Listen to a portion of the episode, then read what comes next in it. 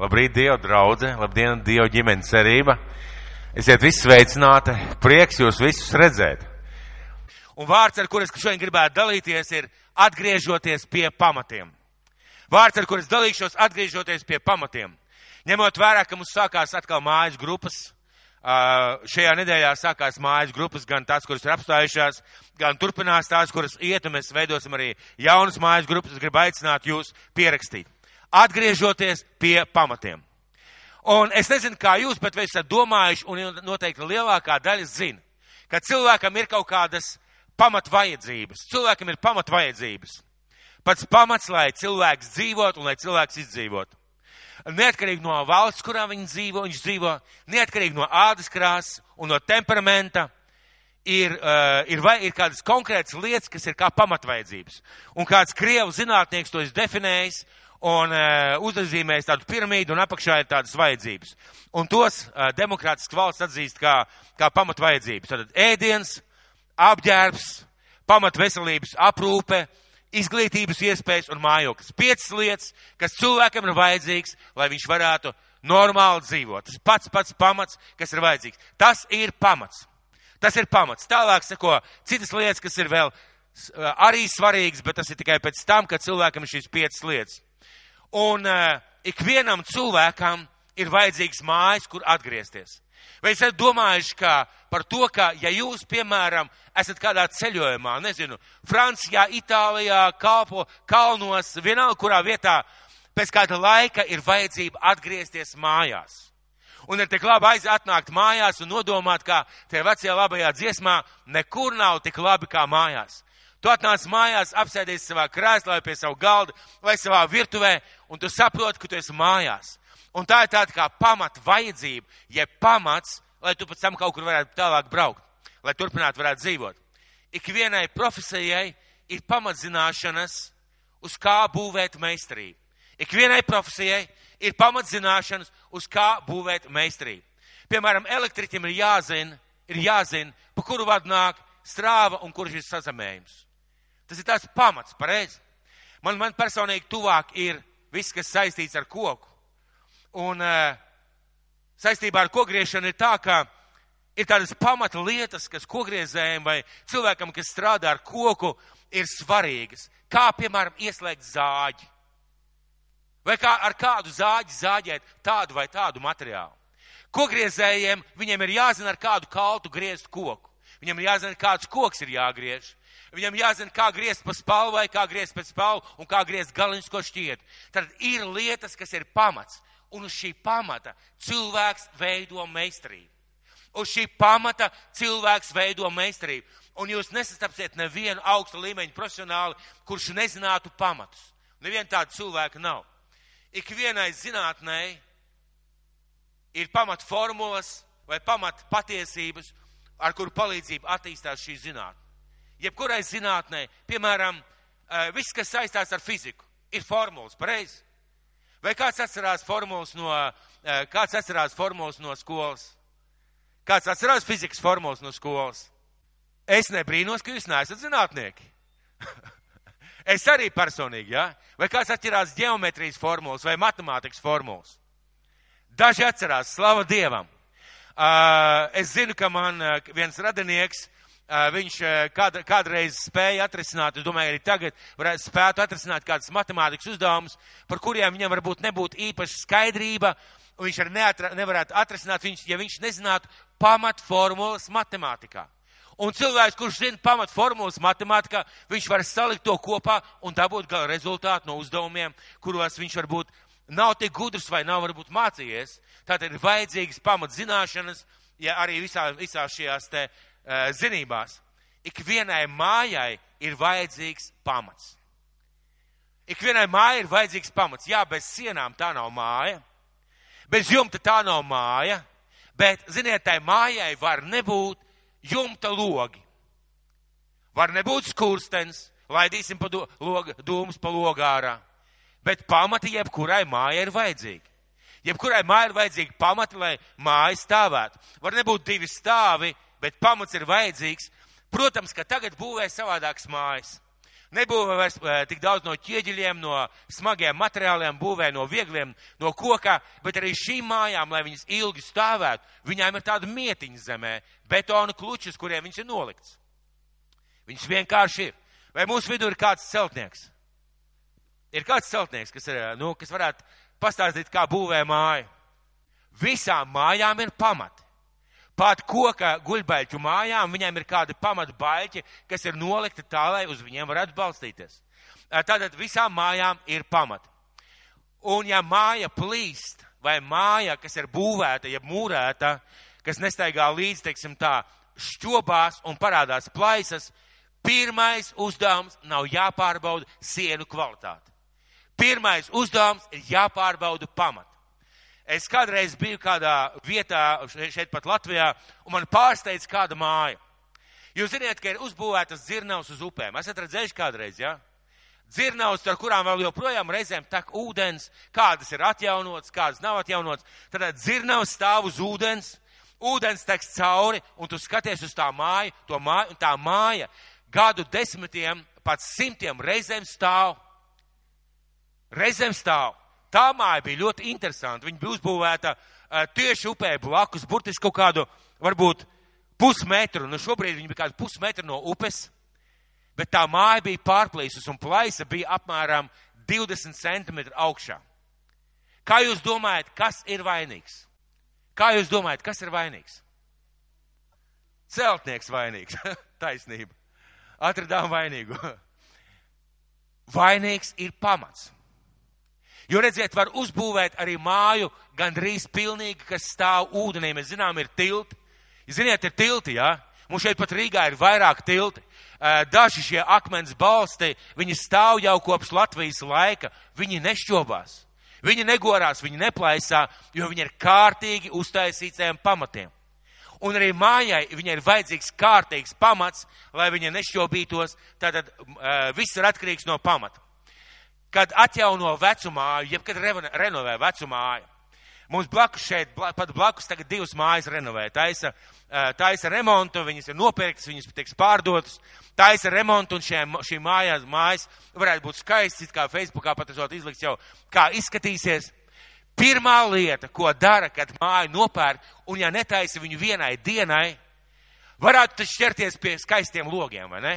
Vai uztaisīt skaistu jumtu, vai uzbūvēt skursteni, uzlikt vēja rādītāju, nokrāsot skaistā krāsā sienus.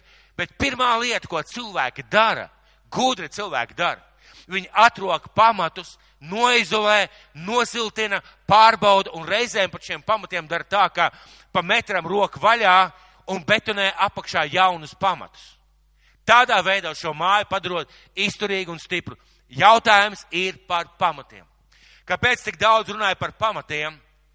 Arī mūsu ticībai Dievam, ticībai Kristum ir pamat atklāsmes, pamat mācība, pamat patiesības, kas ir kā pamats mūsu ticībai. Arī mūsu ticībai ir kādas pamatu lietas, kurām mēs ticam, uz kurām mēs balstam atklāsmes, uz kurām mēs balstam savu kalpošanu, uz kurām mēs balstam savu ticību Jēzum Kristum, uz kurām mēs balstam savu paļaušanos uz to, ka ir mūžīgā dzīvība. Ir tādas pamatlietas, un tas viss veido pamatu, lai mēs ticētu, lai mēs varētu augt un lai mēs varētu aizsniegt nākotni. Piemēram, viena no lietām, kā jūs domājat, kā izplatās evaņģēlijas? Kā izplatās evaņģēlijas? Kā jūs domājat? Sludinot pareizi. Un, slud, un e, evaņģēli izplatīšanās pamatā ir ielikts Dieva vārds. Ejiet un pasludiniet visai pasaulē. Piemēram, vienā no vēstulēm Pāvils raksta, kā lai tic, ja nav kas sludina? Kā lai sludina, ja nav sūtīti? Tātad pamats tam, lai cilvēki noticētu Kristum, ir sludināšana. Un mans un tavs uzdevums ir nevis stāvēt šeit tikai aiz kancels, bet stāstīt, jeb sludināt cilvēkiem par Kristu. Jo bieži vien mēs sakam tā, lai cilvēki redz manu labo dzīvi. Ok, es dzīvoju labi, Es nezogu, es nedzeru, nekaujos, man ir lieliska ģimene, viss ir kārtībā. Un cilvēki teiks, nu paskat, kāds labs cilvēks. Bet vienu mirkli viņš pajautās, kas ir tava labuma noslēpums. Un ja tad tu nestāsti par Kristu, Ja tu nestāsti, kam tu tici, kāpēc tu tici, šis cilvēks aizies uz elli ar visu tavu labo dzīvi. Tātad evanģelizācijas, jeb atgriešanās pamatā ir sludināšana, un es zinu, ka jebkurš no mums ir atgriezies vienīgi tāpēc, ka kāds sludināja. Tātad ir tādas pamatu lietas, pamatu lietas, kas ir pamatā mūsu ticībai. Un ir ļoti, ļoti svarīgi saprast, kāds ir ticības pamats ir ļoti svarīgi saprast, kas ir tās lietas, kas ir mūsu ticības pamats. Un svarīgi ir saprast, kāds ir mans pamats. Katra cilvēka personīgi pamats. Kāds ir šī cilvēka pamats? Un ļoti svarīgi pēc tam pie, ka, domāt, kā šo pamatu būvēt, kā šo pamatu nostiprināt un kā viņu veidot. Bez laba pamata nevar pam uzbūvēt labu, ilglaicīgu māju. Nav iespējams. Bez laba pamata nav iespējams uzbūvēt labu, kvalitatīvu un ilglaicīgu māju. Vai tā ir pils, vai tā ir būdiņa vienalga. Bez laba ticības pamata nevar uzbūvēt labu, stipru, mūžīgas ticības māju. Nav iespējams. Bez laba pamata nav iespējams uzbūvēt ticību, kas tev iznesīs cauri apstākļiem, notikumiem, situācijām, pārbaudījumiem tavā dzīvē. Nav iespējams bez laba ticības pamata. Mūsu nelaime, mūsu nelaime, un šodien, šodien varbūt kristietības nelaime, mums bieži pietrūkst šī labā ticības pamata. Mums bieži pietrūkst šī labā ticības pamata. To, tās mācības pamata, kas balsta visu evaņģēliju tālāk. Mums bieži pietrūkst tā pamata, kas ir vajadzīgs katram kristīgam ticīgam, un mēs teiksim tā, kā, bet es taču ticu. Uz baznīcu es eju, es lasu Bībeli, es ticu, bet, ja mēs paskatāmies uzmanīgi, mēs ieraudzīsim, ir kādas lietas, uz kurām mēs balstam savu ticību.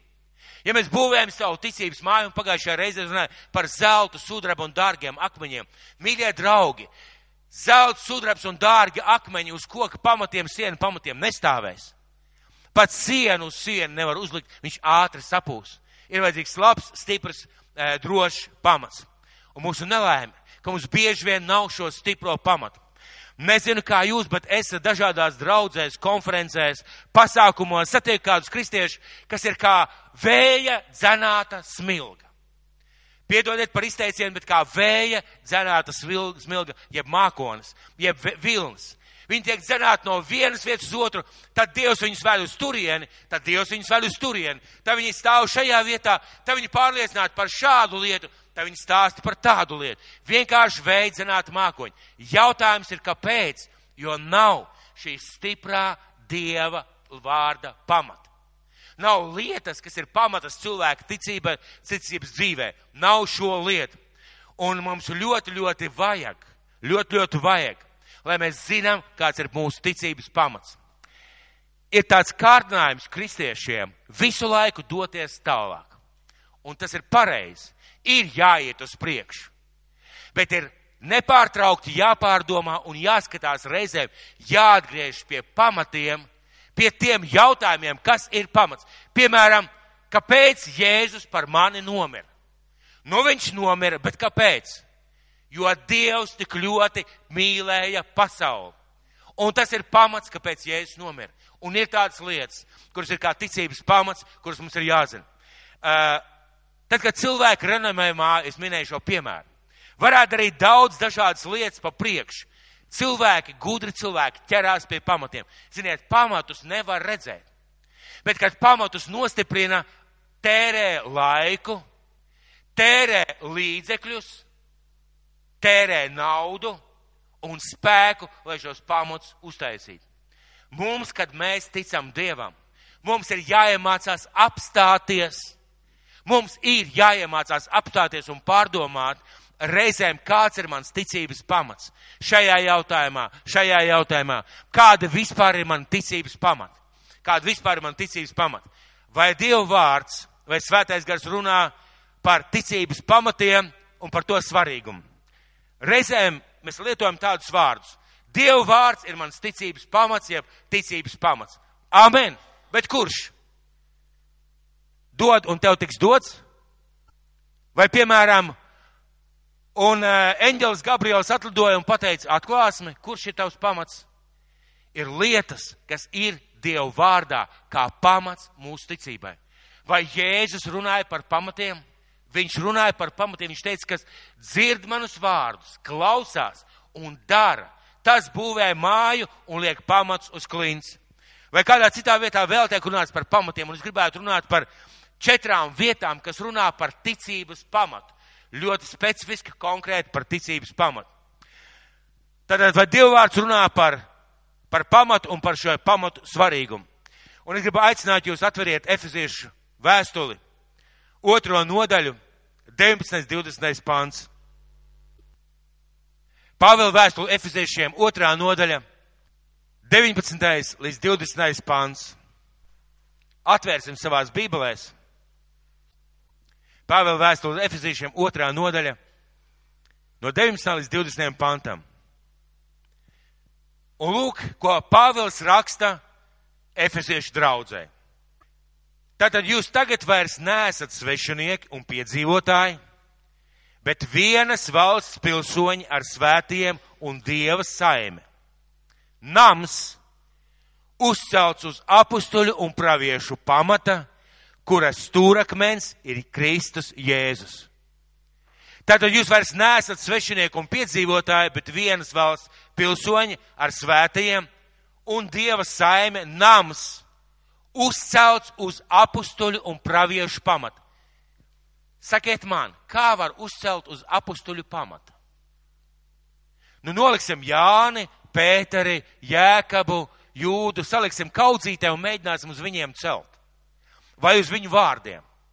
Piemēram, kāds teiks, es lieku savos pamatos Pēteri, Jāni, Jēkabu, Jūdu, es lieku Matiju, es lieku savos pamatos. Kā jūs to varat izdarīt? Runa ir par viņu mācību.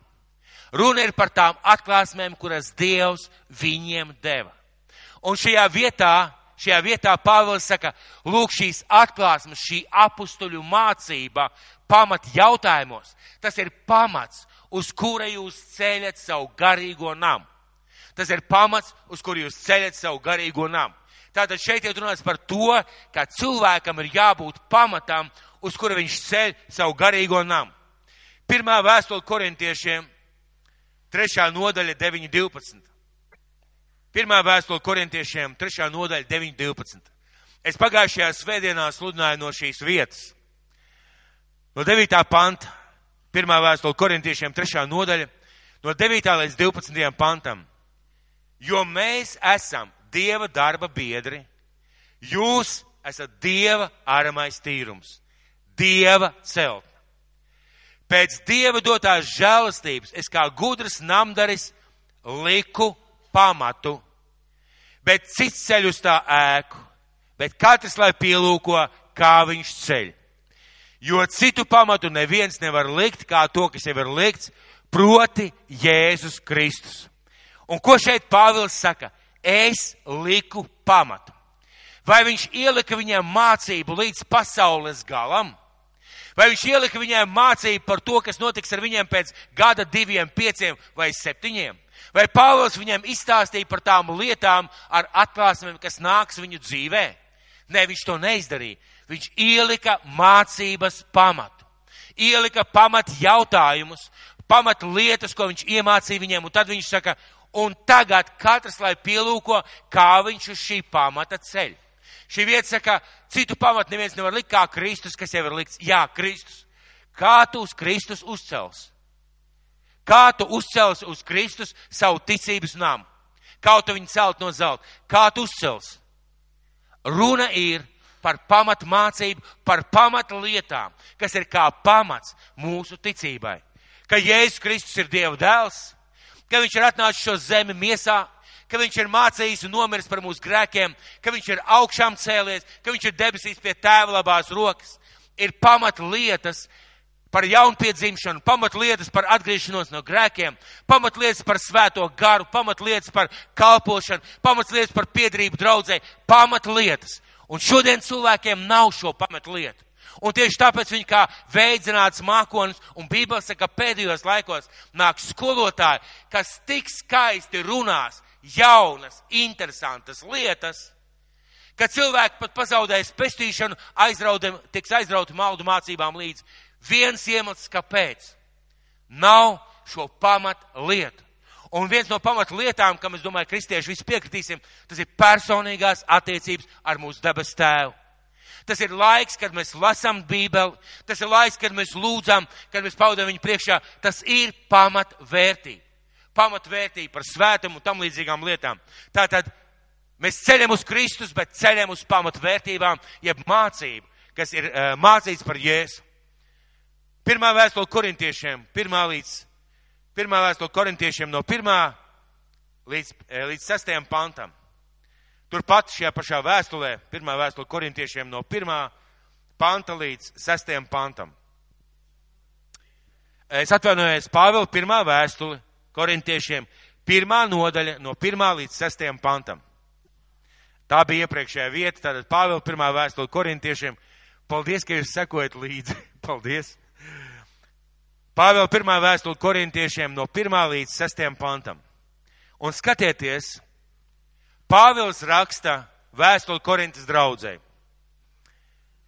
Pāvils pēc dievprāta aicināts Kristus Jēzus apustulis un brālis Sostens Dieva draudzē Korintā. Jēzu Kristu svētītiem, aicinātiem, svētajiem un visiem, kas piesauc mūsu kungu Jēzus Kristus vārdu visās vietās. Tikai pie viņiem kā pie mums. Žēlastība jums un miers no Dieva mūsu tēva un kunga Jēzus Kristus. Es pateicos Dievam vienmēr jūsu dēļ par žēlastību, kas jums ir dota Kristu Jēzu. Jo ar viņu jūs esat kļuvuši bagāti visās lietās, viscaur vārdos un atziņā.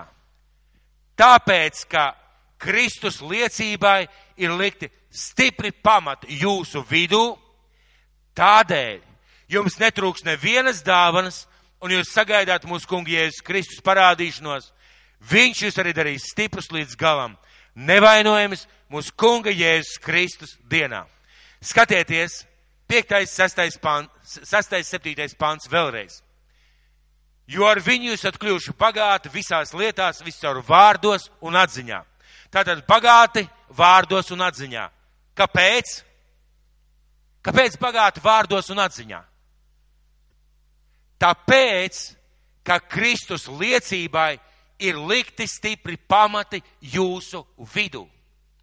Tāpēc, ka Kristus liecībai ir likti stipri pamati jūsu vidū.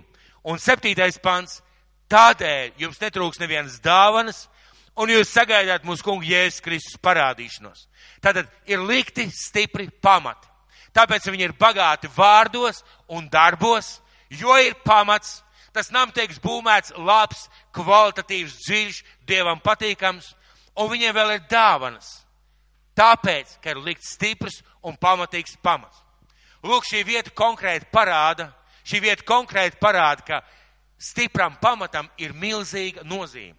Stipram pamatam ir milzīga nozīme. Stipram pamatam ir milzīga nozīme ticīga cilvēka dzīvē.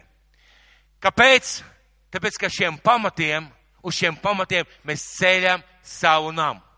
Ja nav pamata uz kā celt, un es atkal atgriežos pie tā, ka šodien ļoti daudzās draudzēs ir pazuduši pamati cilvēkiem. Cilvēki nāk no dažādām konfesijām.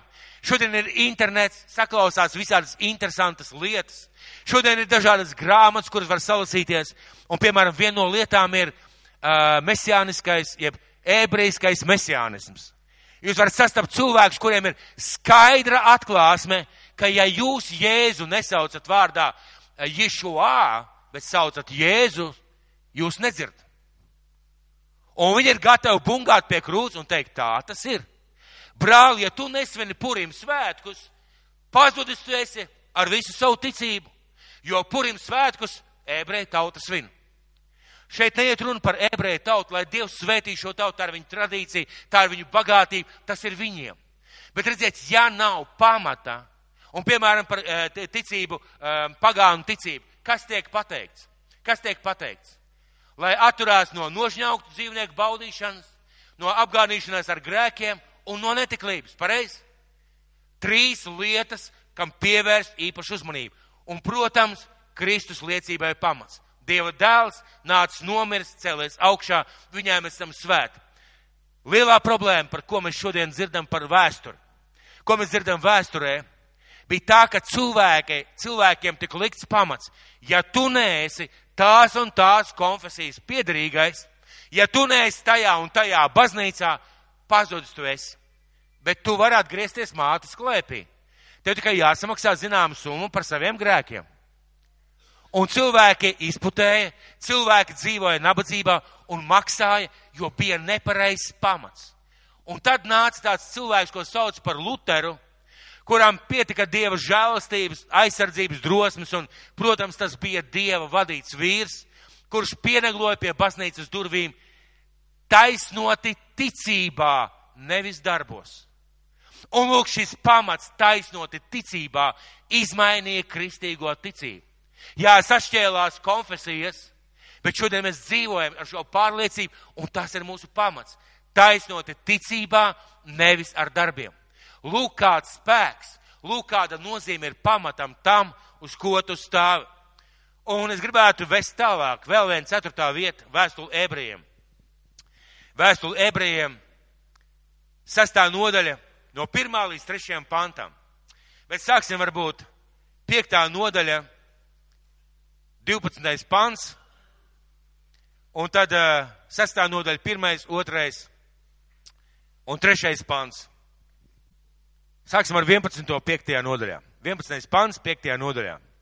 Tie, kur atšķīruši bībeles, viņi, viņi varēs atrast.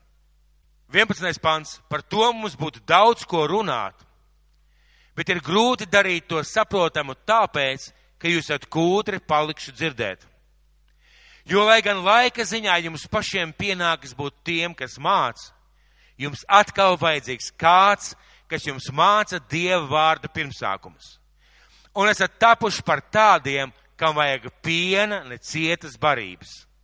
Jo katrs, kas bauda pienu, ir taisnības vārdu nepratējs, jo tas ir bērns. Bet pilngadīgiem pienāks cieta barība tiem, kas ir piedzi, kam ir piedzīvojumi un kam prāti vingrināt izšķirt labu un ļaunu. Pāvils šeit saka, ka jums pēc laika ziņā, ticības ziņā, vajadzēja jau būt tiem, kas māca. Bet jūs, ar jums kaut kas ir noticis. Jums ir biezas ausis palikušas, jeb sirdis. Jūs nespējat dzirdēt to, kas jums būtu jādzird, un nespējat darīt to, kas jums būtu jādara. Un tad pirmajā pantā viņš lūko saka par tādu lietu kā pamatu. Tāpēc, atstājuši Kristus mācības sākumu, dosimies pretīm pilnībai, nelikdam atkal pamatu ar atgriešanos no nedzīviem darbiem un ticību Dievam ar mācību par kristībām, roku uzlikšanu, miroņu augšām celšanos un mūžīgo tiesu. Arī to mēs darīsim, ja Dievs atļaus. Un šajā vietā viņš mudina, jums ir jādodās uz priekšu, jo tie pamati viņiem jau ir. Bet viņš tomēr atgādina un beidz viņš, šo te, beidz viņš šos pantus. Ar, arī to mēs darīsim, ja Dievs atļaus. Tad, ja Dievs vēlēsies, mēs atgriezīsimies pie šiem pamatiem. Kāpēc es par to šodien runāju? Mīļie, tā ir absolūta taisnība. Ja mums nav pamata, uz kā mēs balstam savu ticību, piemēram, par dziedināšanu, vienkārša lieta par dziedināšanu. Daudz cilvēku nesaņem dziedināšanu tikai tāpēc, ka viņi neizdara to, ko saka Dieva vārds. Un Dieva vārds saka, ja kāds no jums ir slims, nezvaniet uz kristīgo rādio jeb zvaniet uz kristīgo rādio. Tā saka Dievvvārds. Tā saka Dievvvārds. Zvaniet uz kristīgo rādio. Tā nesaka. Dievvvārds saka, ja kāds no jums ir slims, uzaiciniet draudzes vecajus, lai viņi par jums lūdz svaidot ar eļu. Bet ir viena problēma. Ne, cilvēks jau nav nevienā draudzē. Kā tad tu uzaicinās tos vecajus? Nav nevienā draudzē. Nu, un tad zvanu uz kristīgo radio, lai lūdzu, slava Dievam par kristīgo radio, slava Dievam, ka lūdzu. Bet pamats ir ielikts cits. Jā, ir Dieva žēlstība, bet pamats ir ielikts cits. Nesen es runāju kādu cilvēku, un viņš man ar lielu sirsnību pārmet kādu lietu. Un zinot, ko viņš man pārmet? Jāni, tu nesludini evaņģēlīju, tu tik daudz runā par kalpošanu. Tajā meklē samulsu, bet ziniet, kas ir interesanti? Šis cilvēks nekad nav bijis kalpošanā nevienā. Nekad nav bijis nevienā kalpošanā. Viņš ir šad tad piepalīdzējis. Un kā cilvēks var attīstīt savu dāvanu, savu spēju, kā Dievs darīs caur viņu kaut kādas lietas, ja viņš nav kādā kalpošanā. Piemēram, bēr, vecāki reizēm savus bērnus ar grūtībām ved uz svētdienas skolu. Ir taču diezgan grūti, pareizi. Māmas, vai ir grūti vest bērnus uz svētdienas skolu? Grietiņi, kā ir? Ir grūti vest? Viņi vēl maz. Viņi iet, kur māma iet, pareizi. Skaidrs. Bet vispār bērnus ir grūti vest uz svētdienas skolu. Bet Bībele saka, māci jauneklim Dieva ceļu kopš bērnības. Un viņš to neatmetīs, kad viņš jau būs sirms. Ir tāds pamats pareizi.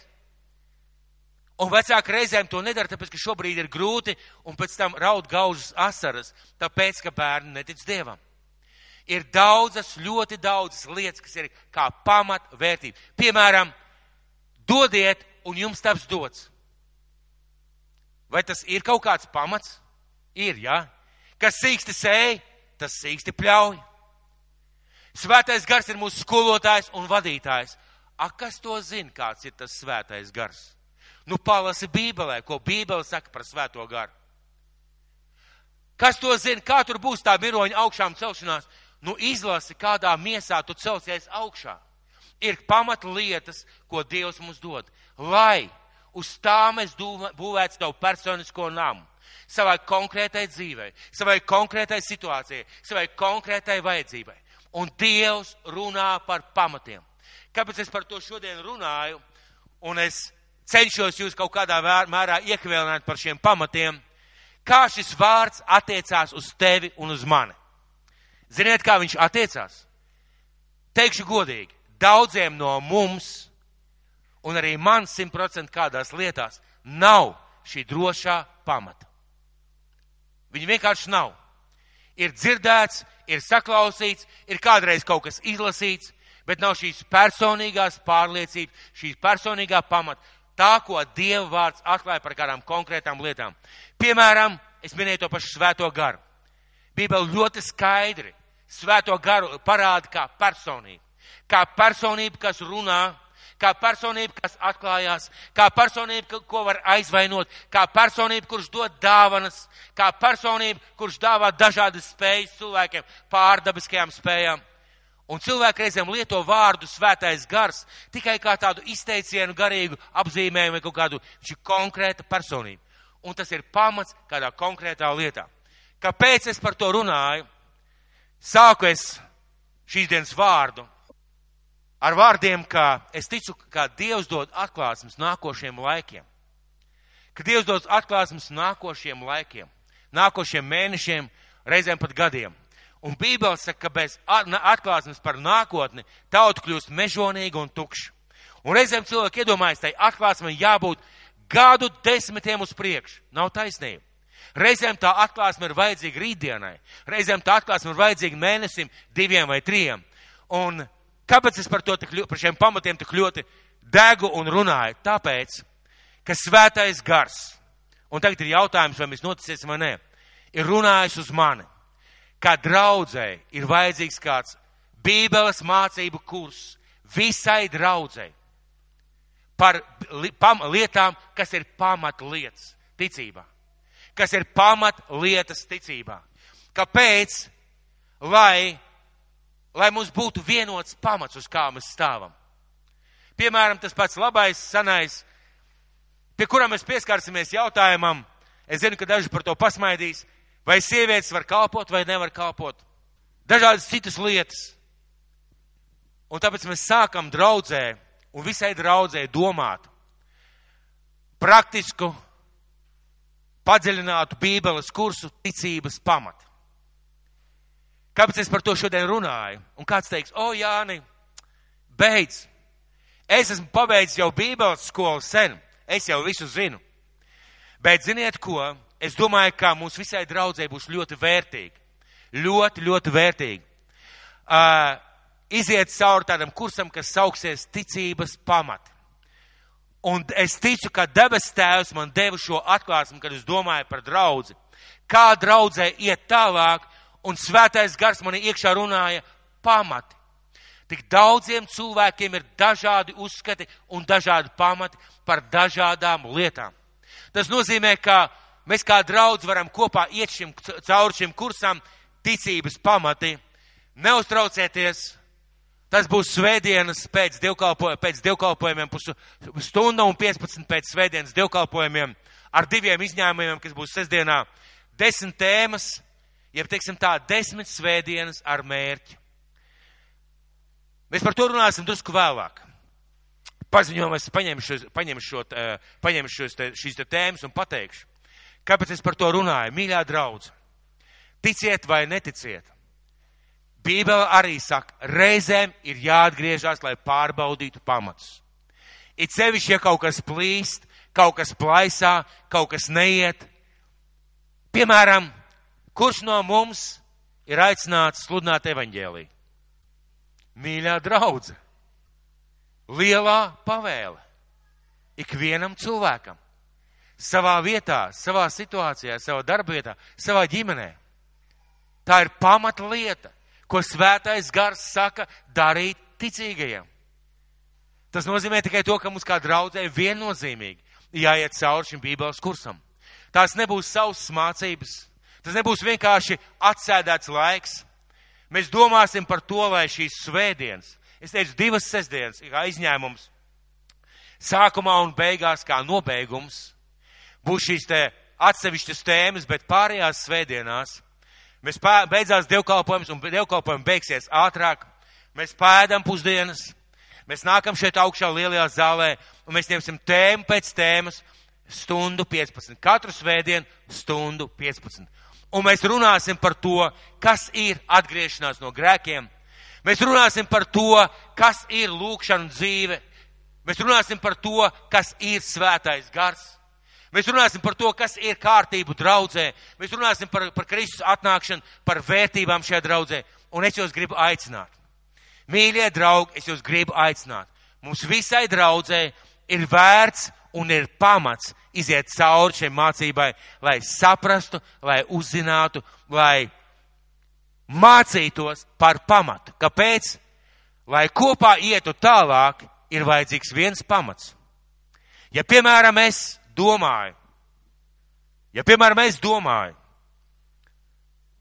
ka svētais gars nedod dāvanas, es nekad nespēju pieņemt to, ka norunā mēlēs.